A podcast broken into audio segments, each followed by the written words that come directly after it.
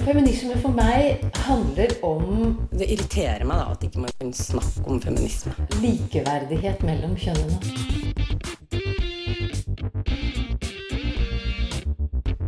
Det blikket på kvinnen på film. handlet det om å bli tatt på alvor som jente.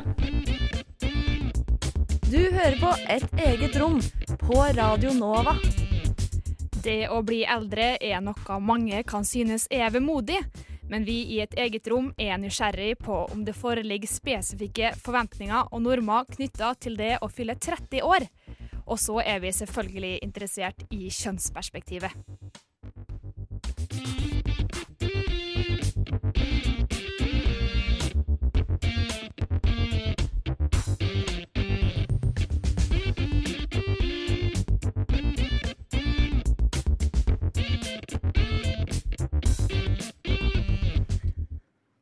God mandagsmorgen og velkommen til Et eget rom. Vi er Radio Novas feministiske program og dykker inn i likestillingens kriker og kroker og dilemmaer og kontroverser. Og jeg heter Synnøve Berg Meisingseth, og med meg i studio har jeg Linda Therese Rosenberg. Hei, hei. God morgen. God morgen. Eh, og du Linda, før vi kaster oss sånn ordentlig inn i dagens tema, så har jeg noen spørsmål til deg. Ja. Som du, som du rett og slett bare må svare på på stående fot. ja, det er helt greit. Helt i orden, ja. Ja. Eh, jeg lurer på hvordan du på sånn generell basis forholder deg til det her med å bli eldre. Um, og også kan du trekke frem ett år som du kanskje har syntes har vært liksom toppen, eller best, på en måte. Eh, om, om det er ett år som har vært eh, best det, Nei, det tenker jeg ikke. Det som har slått meg mest når det gjelder eh, det med å bli eldre, er um, dette med den alderen du er i, eller den fasen du er i, har noe å si for hvordan du ser på ulike si, faser i livet. Så da man var på ungdomsskolen type, eller litt videregående, så var det sånn Jeg skal gjøre det her og det her og det her før jeg blir 30, minst. Og man føler seg dritvoksen.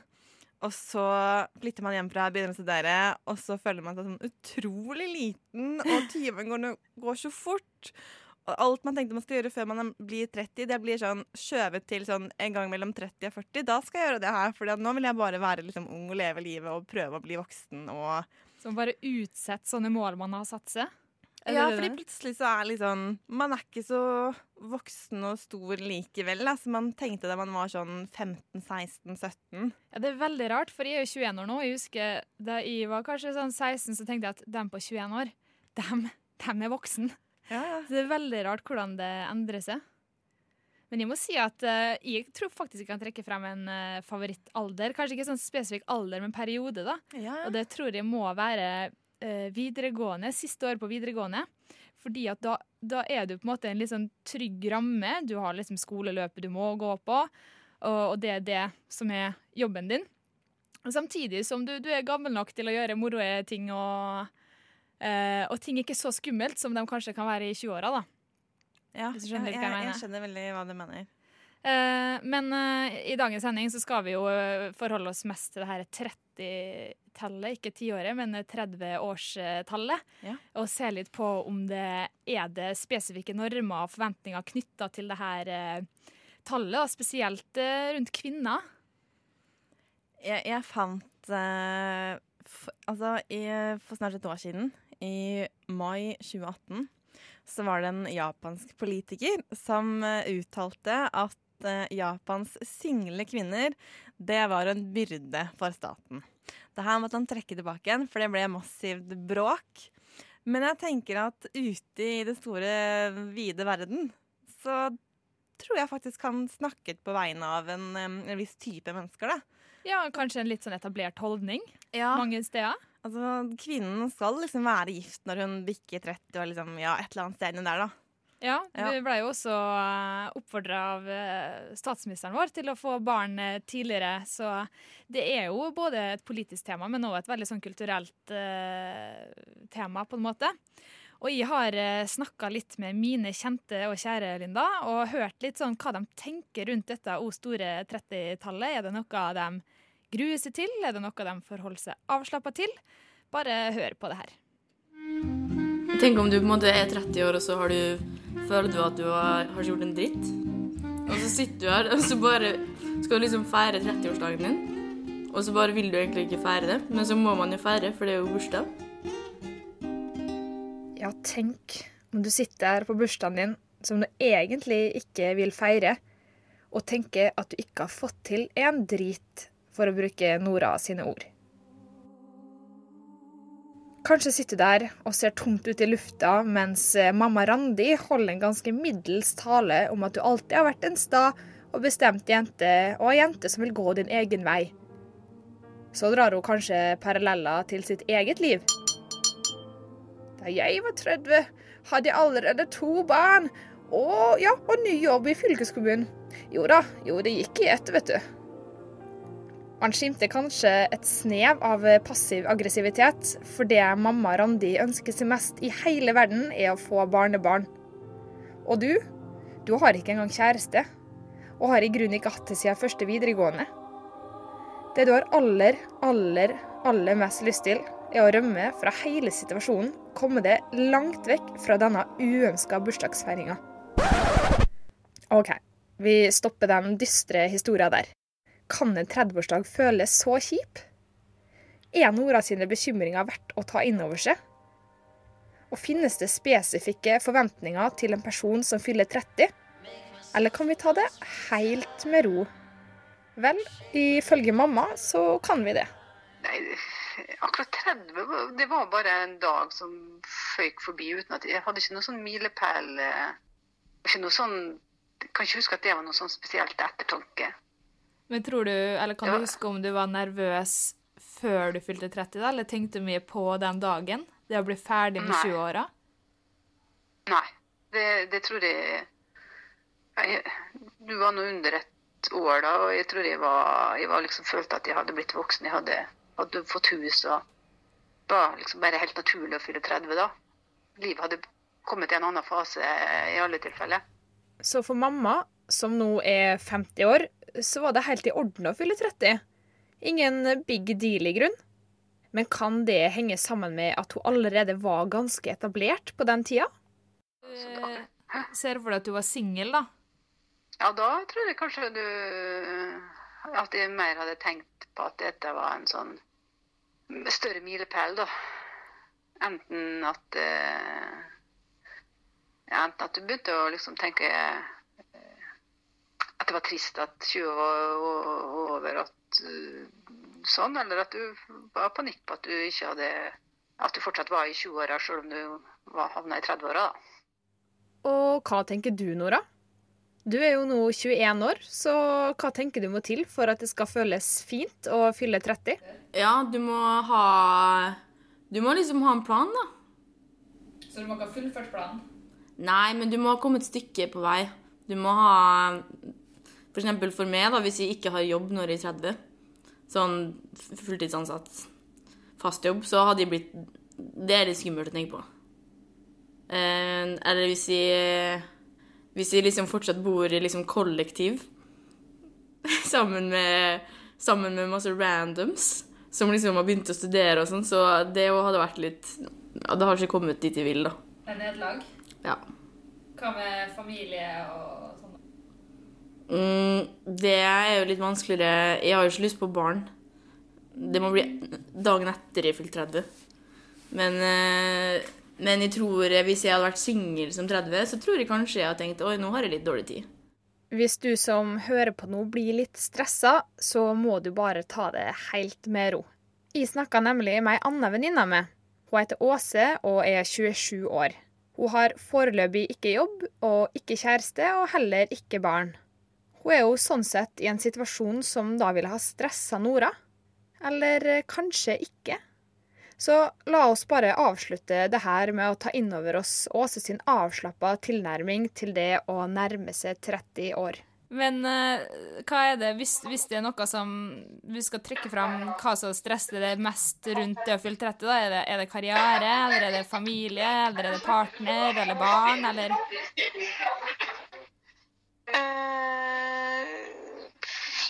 For å være helt ærlig så er det ikke noe som stresser meg. Men det har jo med liksom familien min, søstrene mine Det er ingen som rundt meg som stresser meg på noen som helst måte. Mm. Så jeg må bare si at jeg er ikke stressa. Og jeg Nei, jeg er ikke stressa. Så På, digg, da. på, ingen, på ingen områder. Så jævlig digg. Ja, det er skikkelig digg. Ja, der hørte du to venninner med, og mammaen min for så vidt, eh, om det å fylle 30 år. Og jeg er sånn litt usikker på om jeg ble beroliga eller eh, litt mer stressa. Eh, Men nå må vi høre litt musikk, og jeg er veldig glad for at folk ikke har slutta å lage punkemusikk. Så her får du det digge bandet Hudkreft med den digge sangen Ting Trang.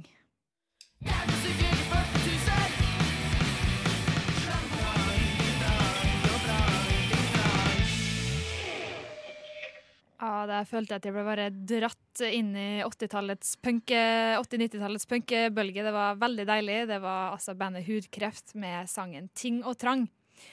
Her i Et eget rom diskuterer I, Synnøve og Linda det vi har valgt å kalle den kulturelle 30-årskrisa. Jeg vet ikke, Hvordan skal vi forklare det, det begrepet, Linda? Ja, det er jo litt sånn eh, abstrakt, men ehm, det var jeg som plumpet ut med det her på et møte vi hadde. Og noe av bakgrunnen er at jeg blir 30 i år. Eh, og irritasjonsmoment nummer én. Familien insisterer på at vi må feire den. Eh, det irriterer meg ikke for at jeg blir 30. Jeg bare liker ikke å feire bursdagen min og få masse oppmerksomhet. Det er liksom på generell basis? Generell, ja. Ja. Men det som irriterer meg mest, er at eh, det er veldig mange, sånn, særlig søskenbarn og broren min, og sånn, som syns det er kjempegøy. For da kan de gi meg pepper, siden jeg da er ugift, ikke etablert i det hele tatt i noe sånt forhold, eh, og da blir 30. Og jeg syns jo det her er så utrolig gammeldags og unødvendig og blir dritirritert. Og det syns de er utrolig morsomt, og de skjønner ikke at jeg blir irritert i det hele tatt. Fordi for dem så er det en uskyldig morsom greie som ikke har noen sånn dypere betydning. Jeg skjønner kanskje ikke hvor kjipt det er akkurat den tradisjonen der da, med å gi pepper til ugift eh, kvinne som fyller 30. Altså tror jeg dette med peppermø det er så fjernt for oss, da. Så jeg tror ikke det helt de eh, har disse negative assosiasjonene. For meg så er det jo ingenting positivt med akkurat det begrepet. Men tror du dem tenker på det som positivt, da? Jeg tror ikke de tenker på det som verken det ene eller andre. Det er bare en sånn, det er morsomt om man kan gi noen pepper, liksom. En pepperbøsse. Det er den, det som er greia. En liten tull, ja. Eh, så for dem så er det bare en uskyldig, morsom eh, ting. Ja, så da har du én, du har ikke lyst til å feire bursdagen, og to, du har i hvert fall ikke lyst til å få pepper i 30-årsgave. Nei, jeg Ja, har ikke det, det. skjønner jeg veldig godt, og jeg føler jo det her er bare en av ganske mange sånn dårlig tradisjonelle begreper om kvinner. Nå gjelder jo det 30-tallet, det å fylle 30, men det er jo så utrolig gammeldags. For eh, hvis man ser på statistikken, så er det jo veldig Eller altså, de fleste kvinner gifter seg jo etter de har fylt 30, så det, det henger jo ikke på greip lenger. Det gjør jo ikke det. Det er, vi har forlatt det stadiumet for lenge siden. Ja. Eh, ja. Ja, for ting har jo forandra seg, seg veldig på, på akkurat det punktet her. Og, og jeg har lyst til å eh, utfordre det i en liten eh, gjettekonkurranse. Ja, ok. Fordi jeg har vært inne på SSB og sett litt eh, på tall over eh, gjennomsnittsalder for når menn og kvinner har gifta seg. Eh, og da er det tall fra 1974 til 2017. Eh, og så må jeg også poengtere at disse tallene er bare for alle som har gifta seg, så det kan være at noen i den statistikken gifter seg for andre gang, for Ja, okay, ok, jeg skjønner. skjønner. Hvis vi tar 1974, da. Når, hvor gammel tror du gjennomsnittsalderen for kvinner og menn var? Eh, 25? Ja, det var ganske nærme, fordi at for kvinner var det 24, og for menn 26,7. Så ganske on point. Og det som jeg syns var litt eh, morsomt, var at det fra 1974 til 1980 var ganske små forandringer. Da, eller for kvinner så gikk de fra 24 til 27, og menn gikk fra 26 til 25. Oi. Så de gikk faktisk ned. Det var litt rart. I 2000 så var menn i gjennomsnittsalder 34,9 år, altså nesten 35, og kvinner 31,8, så da har vi allerede på 2000 bikka 30-tallet, Linda. Ja. Så bare få de der f- fetterne dine til å jekke seg ned. Og i 2000, da, nei 2017, mener jeg, hva tror du? Uh, nei, jeg vet ikke. 33? For kvinner så er det 35,3, Er det gjennomsnittet? og for menn 38,7. Oi, det er faktisk høyere enn jeg trodde. Mm, men for første gangs da, så er gjennomsnittsalderen for kvinner 32,3. Ok, Så da var litt nærmere. Ja, det var Ja. nærmere.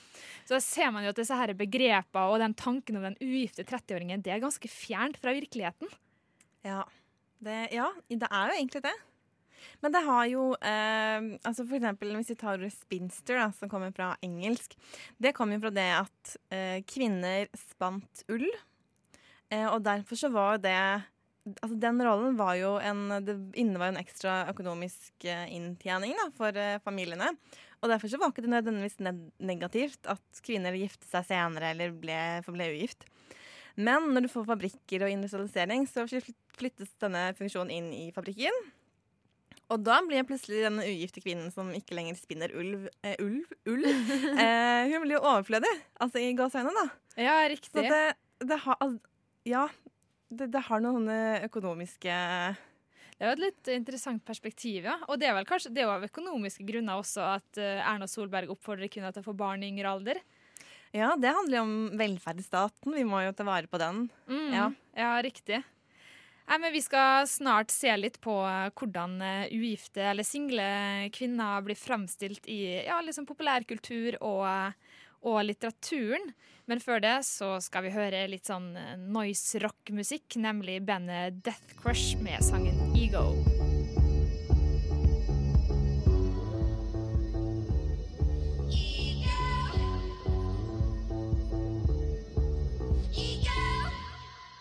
Det var bandet Death Crush med sangen Ego.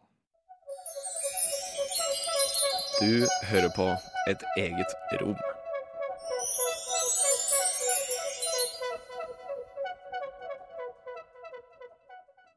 Yes, det gjør du, og vi i et eget rom diskuterer den kulturelle 30-årskrisa og ser litt på sånn hvordan spesielt kvinner eh, blir framstilt, og hvordan, hvordan normer som knytter seg til eh, kvinner som er i den eh, 30-årsalderen, og spesielt liksom hvis man ikke kanskje har gjort det samfunnet kan forvente av dem, med tanke på karriere og familie, barn, partner osv. Og det her med alder og normer knytta til, til din spesifikke alder er jo noe som angår alle mennesker, på en måte, for alle blir jo eldre og forholder seg til alderen sin. um, og det har jo blitt vist i utallige filmer og serier også.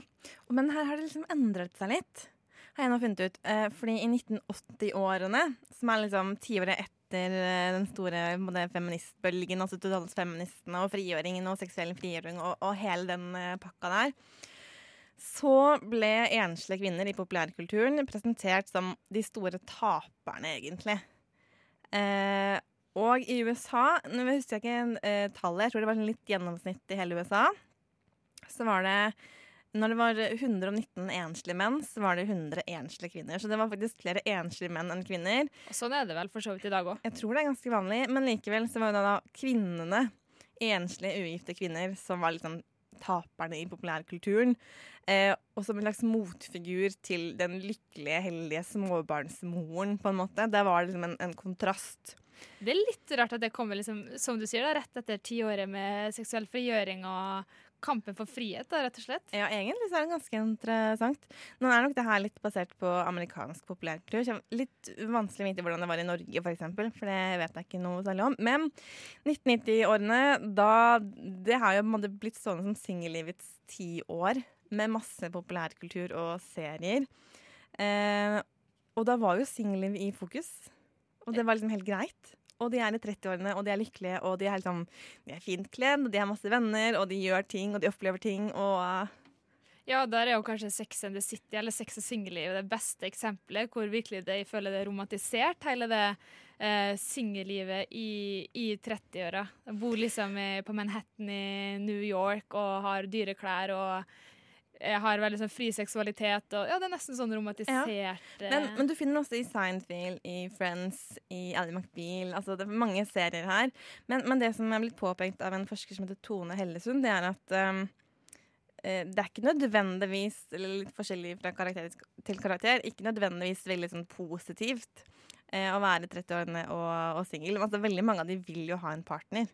Det, er er noe av drivkraften i seriene her.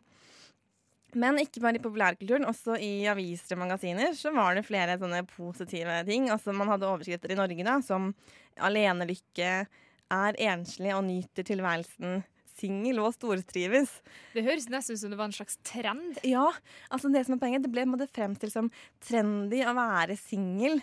Eh, og det var liksom urbant, og du var liksom vellykket, og du var liksom Ja, den veldig sånn positive um, Litt sånn karriereretta, kanskje. Nye, moderne kvinnen. Ja, og så begynte mediene å skrive om at eh, det, Når vi nettopp snakket om det, med at eh, gjennomsnittsalderen for giftermål den sank, eh, kvinner ble eldre da de fikk barn. Det er liksom bare stadfestet at singellivet er en ny måte å leve livet på, og det Mm. syns vi er greit. Og så skjer det noe helt på starten av 2000-tallet. Fordi i hvert fall i mediene så snur man litt på det her. Eh, da får man eh, overskrifter som 'Sex- og singelliv-generasjonen i krise', 'Redd for å bli ensom'. I Dagbladet Magasin i 2002 så ble det omtalt en rapport som sier at mange opplever 30-årene som en kriseperiode. Og VG eh, fulgte opp med at eh, denne levemåtebølgen, der kvinner ikke får barn før de er i 30-årene og lever som single over det tallet, da. Eh, det var negativt, for det har negative effekter for mor og barn. Eh, og det ble poengtert på at disse jentene, f.eks. i Sex og singelliv og leker med bil, de står egentlig bare på stedet hvil. De kom seg ikke noe videre i livet. Og det var litt sånn, og Friends og Seinfeld sånn, det var liksom forvokste tenåringer som aldri ble voksne, og liksom ikke de klarte å liksom finne sine røtter og Ja, for det, det er jo kanskje noe sannhet i den analysen av disse seriene, fordi at de prøver å videreføre en slags ungdom, da, hvor de går ut, ut på byen på hverdager og på en måte ikke har fått en nå viser vi gåseøyne, voksen eh, livsstil, på en måte. Mm. Vi tenkte også litt på det du sa med at for eksempel da, i Sex og singelliv så er jo et av målene til nesten alle karakterene å få seg en partner. Ja. Vi følger dem gjennom ulike forhold, og de blir lei seg for at det ikke går, men så prøver de videre sånn at det er ikke helt sånn at det framstilles som eh, verdens kuleste ting å, å være singel heller. Det er det ikke. Og så må det jo sies, som vi har snakket om i en tidligere sending for en stund siden, eh, hvis du har den romantiske komedien som virkelig blomstrer opp fra 80-tallet, 90-tallet, tidlig 2000-tall, så er jo målet med filmen er jo at hovedpersonen skal finne seg sin livspartner. Ikke sant? Eh, og det er jo den samme tiden, så du har liksom disse seriene som som har dette, alle disse single menneskene som lever livet sitt og har det egentlig helt vilt, selv om de egentlig ønsker seg en partner. På den siden, og så har du alle disse romantiske komediene som er i en gullalder, egentlig. Eh, hvor det bare er den derre jakten som er det viktige. Mm, og da er det jo nesten alltid kvinner som får tildelt den rollen. Ja, Jeg tenker spesielt på Bridget Jones, som er bare sånn herregud, du er 30 år, og det var helt sånn katastrofe at ikke hun hadde partner. Hun var liksom så rar og eh, så lite pen, og det var bare sånn Ja, veldig godt illustrerer det poenget der, da. Fordi Første gang jeg så den filmen, så tenkte jeg sånn Det her er dritkult, morsomt eh, greie. Jeg lo masse. Og nå tenker jeg bare sånn Herregud, så utdatert. Veldig, Hun blir 30 år, og det er bare krise, krise, krise krise mellom blinkende bokstaver. Og prøve å snu om på det. Hadde man kunnet lage en sånn film om en mann? Altså at en mann bare ikke fikk seg dame, alt han ville var å ha en eh, dame. Altså, jeg kan ikke se det for meg. Nei, da, da tenker jeg at hvis det er liksom en mann som er helt desperat, så blir det mer en sånn en humorfigur enn Ja. man kan le litt av. Og det er noe med at eh, Og det har sikkert litt med biologien å gjøre også, at det er vanskeligere for kvinner å få barn jo eldre man blir. Men man snakker jo ikke om at det er menn som er til overs.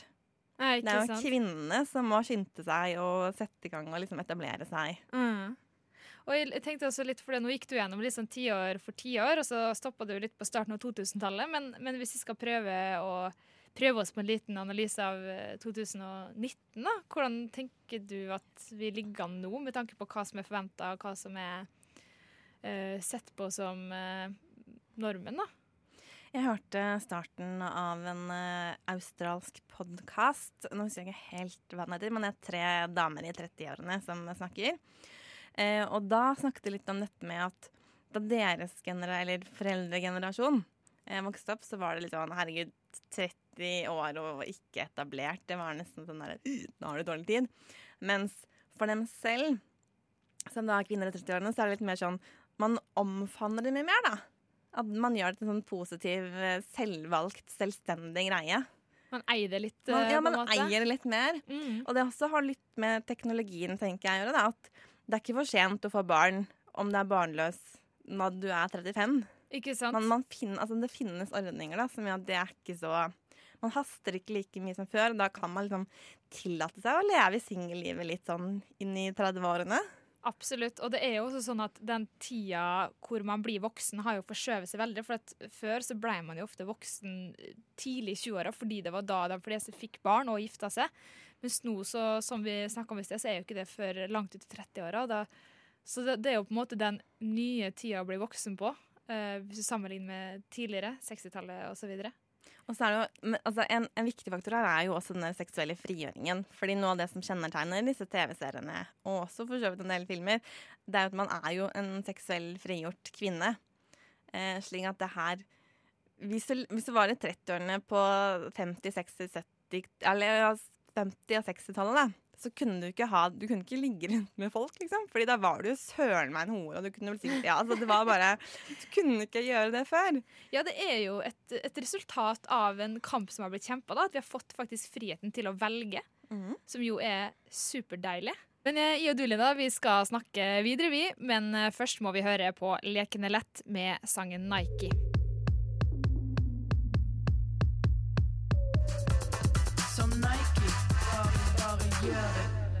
Der hørte du Bergensduoen Lekende lett med Nike. Vi eh, her i et eget rom diskuterer forventninger knytta til det å fylle 30 år. Og Linda, du har sett litt nærmere på hvordan ugifte kvinner ble framstilt i litteraturen rundt sånn år 1900 ca. Ja. Forfatteren Barbara Pym skrev i 1972. Posisjonen til ugifte kvinner, med mindre så klart hun er noens elskerinne, er ikke av interesse for den moderne leser. Omtrent ti år senere så uttalte forfatteren Barbara Brothers Spinstere har ingen plass i den sosiale strukturen og ingen rolle i fiksjonens plott.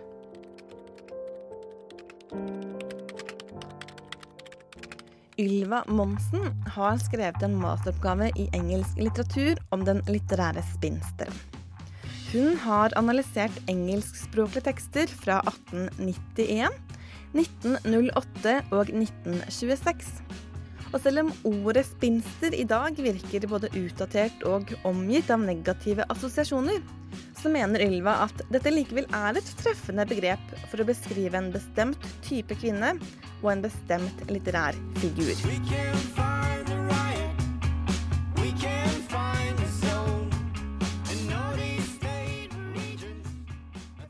Karakteristisk for den litterære peppermøen er at hun er statisk.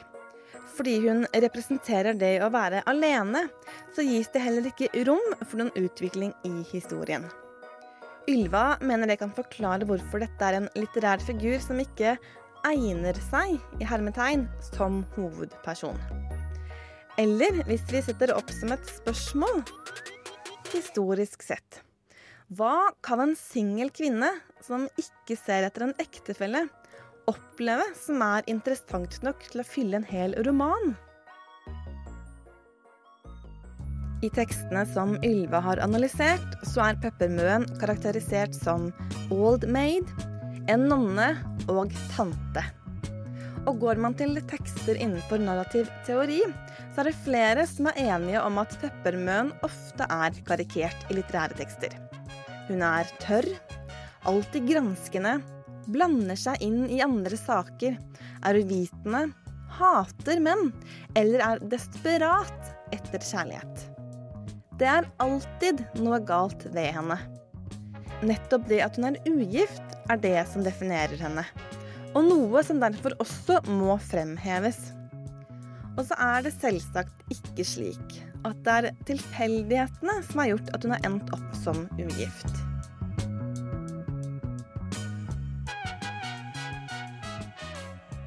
Den nevnte Barbara Brothers har skrevet litt om spinsterens rolle i samfunnet. Hun mener at de ugifte kvinnene ikke bare representerte en leveform som ble ansett som nesten litt pinlig. Hun levde tross alt utenfor det som ble ansett som den meningsfulle måten å leve på. Men ved å leve utenfor ekteskapet og ekteskapet som institusjon, så levde hun også utenfor patriarkatets kontroll. Så da er det kanskje ikke så rart at spinsteren har blitt tildelt en litt lite heldig rolle i litteraturens verden. Come As You Are er en bok innenfor queer-narrativ teori. Judith Roof, som har skrevet boken, forsøker her å demonstrere hvordan ikke-reproduktive karakterer, som spinstere og lesbiske, er gjort til marginale karakterer i fiksjonen. Fordi disse karakterene er flate og bygger på stereotypier, så mener også Roof at karakterene ikke er romslige nok til å kunne bli sett på som hovedpersoner.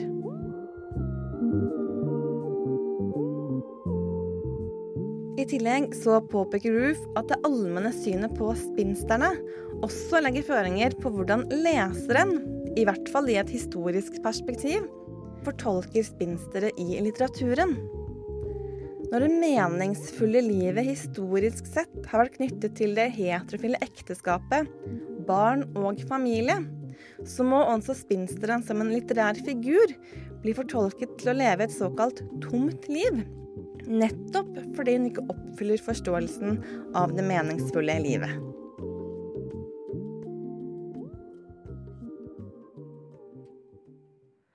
Ja, det var, det var du det, Linda, som, eh, som laga det her.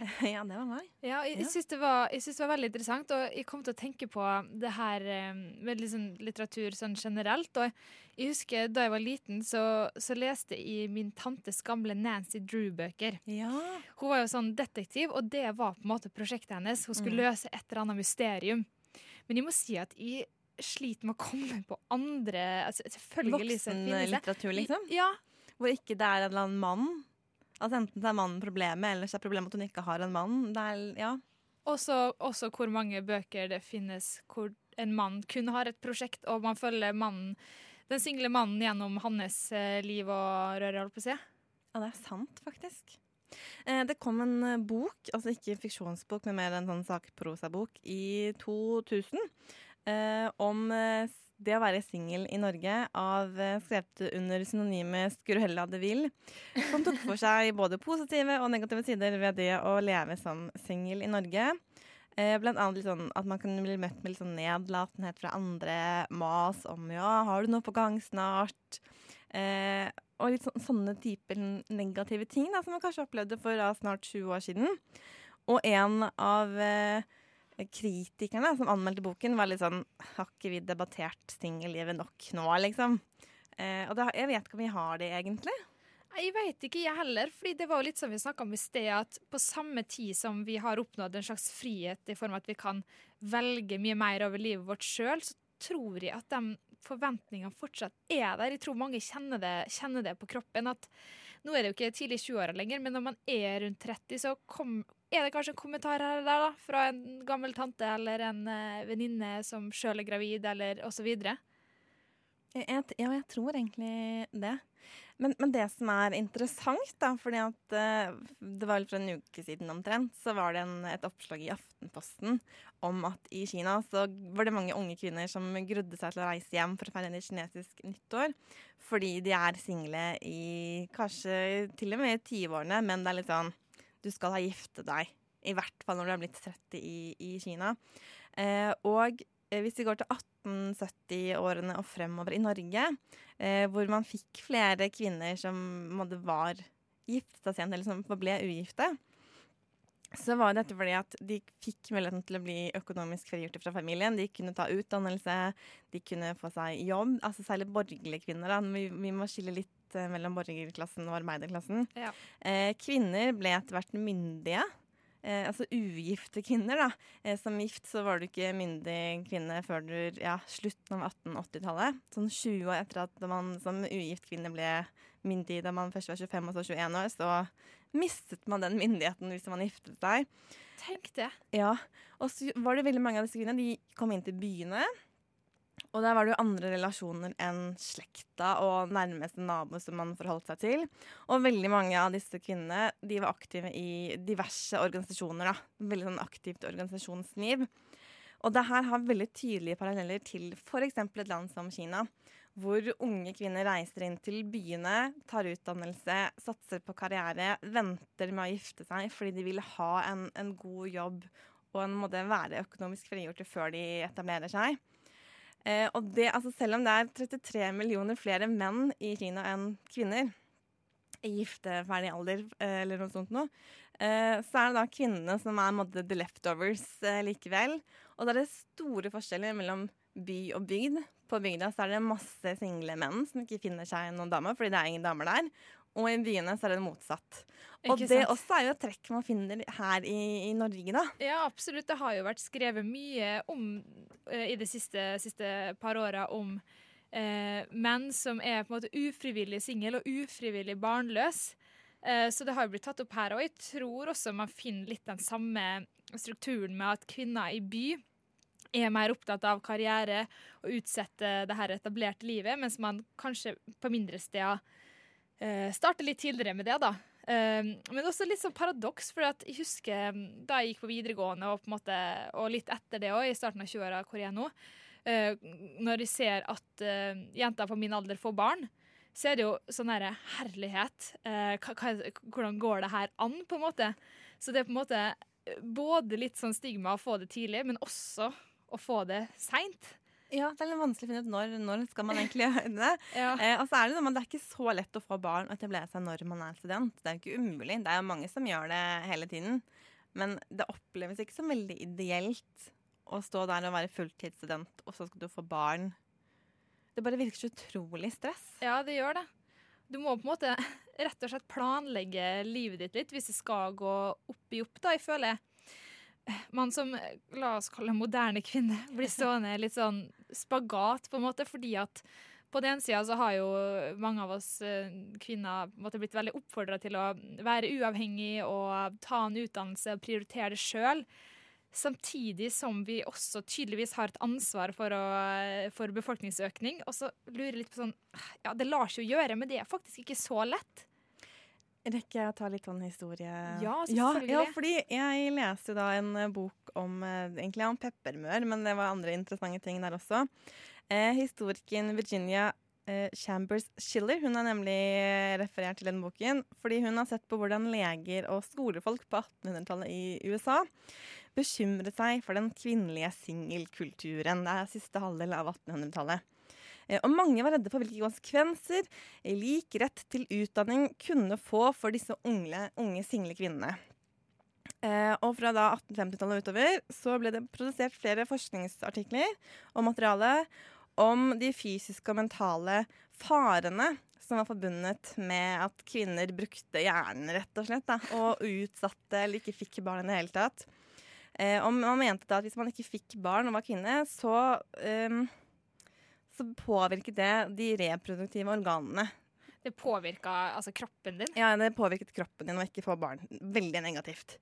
Eh, og da var det enkelte forskere etter hvert som eh, advarte foreldre som da ville sende døtrene sine til høyere utdanning når de kvinner fikk lov til å ta høyere utdanning, eh, med at eh, hvis de gjorde det, så kunne disse døtrene da risikere å bli gamle jomfruer, altså ugifte, og miste sin kvinn, sine kvinnelige funksjoner og sin kvinnelige sjarme. Å, herlighet. Ja. Nei, det, det å miste sin kvinnelige sjarme, det er det siste jeg vil. Ja, ikke sant? Det er veldig viktig å beholde den kvinnelige sjarmen. Ja, hva nå enn det er. Men uh, vi trenger litt uh, groove, Linda, så her skal dere få høre Benny Sings med sangen 'Not Enough'.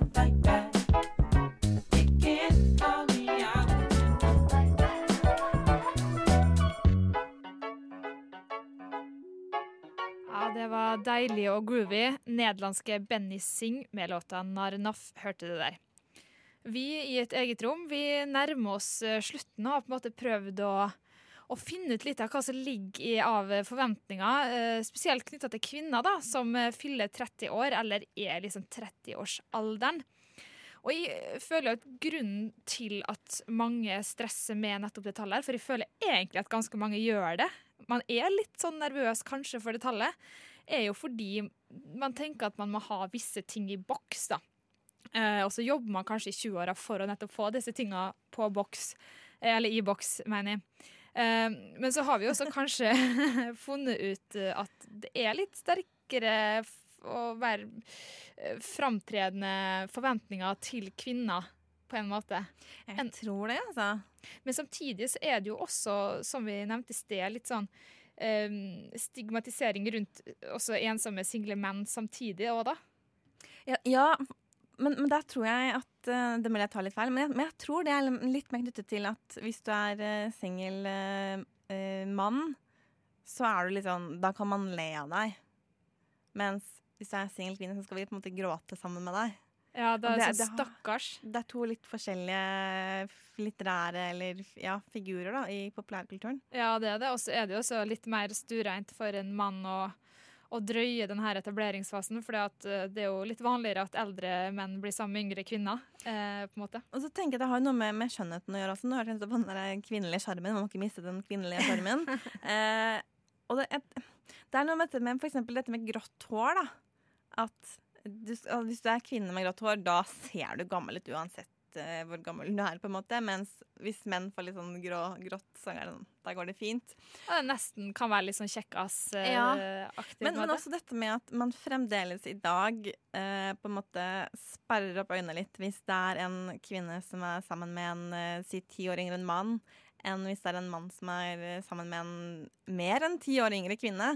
Absolutt. Jeg føler Hvis ei eh, kvinne er sammen med en fyr som er ti år yngre, så latterliggjør du han, Ja. og nesten sykeliggjør hun litt. Ja. Mens den dynamikken med en eldre mann og yngre kvinne, den er jo bare den er jo romantisert i litteraturen, og jeg har bare virkelig Det er null problem. mm. Eh, nå, eh, litt tidligere i sendingen så hørte vi da et innslag om eh, dette med spinster og litteratur. Og hun Ylva, som har skrevet denne masteroppgaven, som eh, jeg tok litt utgangspunkt i da, hun i sin oppgave stiller et spørsmål om det kanskje finnes et slags sånn eh, heks-nonne-dikotomi når det gjelder ugifte single kvinner, sånn historisk sett. Eh, fordi at både heksa og nonnen har jo vært litt sånn stereotype karaktertrekk på denne single, ugifte kvinnen. ensomme mm. Ja, og den ene er jo da gift med Gud og liksom underlagt Gud sin kontroll og liksom klosterets rammer. eh, Og utenfor patriarkatets kontroll. Og heksa er liksom den derre eh, seksuelt frigjorte, farlige kvinnen som også er en trussel mot patriarkatet. Er litt sånn skummel karakter. Ja, og en som man i hvert fall ikke må stole på. Og hun, måtte, hun kan lure mannen, og det er sånn, hun, er, sånn der, hun må du i hvert fall ikke stole på. Um, så det er litt sånn Enten så er du veldig sånn from, og kanskje en, en trussel mot uh, mot seksuallivet, på en måte, da. Fordi det er totalt avholdende. Eller så er du heksa som eh, er på en måte sin versjon av Det er jo horeri, på en måte, da. Mm. Eh, sånn at Og jeg det er, det, er jo, det er jo et poeng at det er to figurer som nettopp har den eh, single kvinnen. Eh, det er, det, du må være en singel kvinne, på en måte, Ja, ikke for å sant? kunne ha en sånn eh, merkelapp på deg. Uh. Og heksa brukes jo fremdeles som en sånn hersketeknikk. Hvis det er noen man ikke liker, eller man må trekke eller klistre noe negativt på en kvinne, så må det tale litt høyt eller stå litt frem. Heks, ja. da er du en heks, Ja, og det er bare negativt ment. Ja, ja, helt sant. Og også, det der er vel kanskje litt sånn, det skrives jo om fortsatt, men kanskje tilhører litt eh, eldre litteratur, men også moderne, hvor det både Jeg føler at det, man stakkarsliggjør kvinner som er rundt den alderen og er singel, men også uh, latterliggjøring. Sånn, eh, man blir en litt sånn klums, da, på en måte. Hvis Ja. man er Litt som man spilte med Bridget Jones. Man var litt en sånn klumsete Eh, og hun ble også omtalt som småtjukk, selv om hun for så vidt var helt vanlig størrelse. Single damer, på en måte. Det er ingen sånn normalitet over det. Det er ingen sånn eierskap til det, da.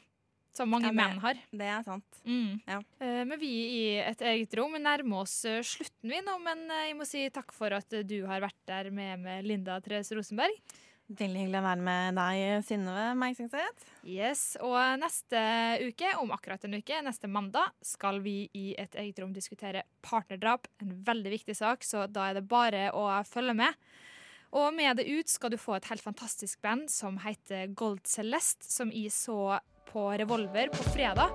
Og de har faktisk ikke spilt konsert på to år, så det var veldig stort. Her får du sangen 'Open Your Eyes'.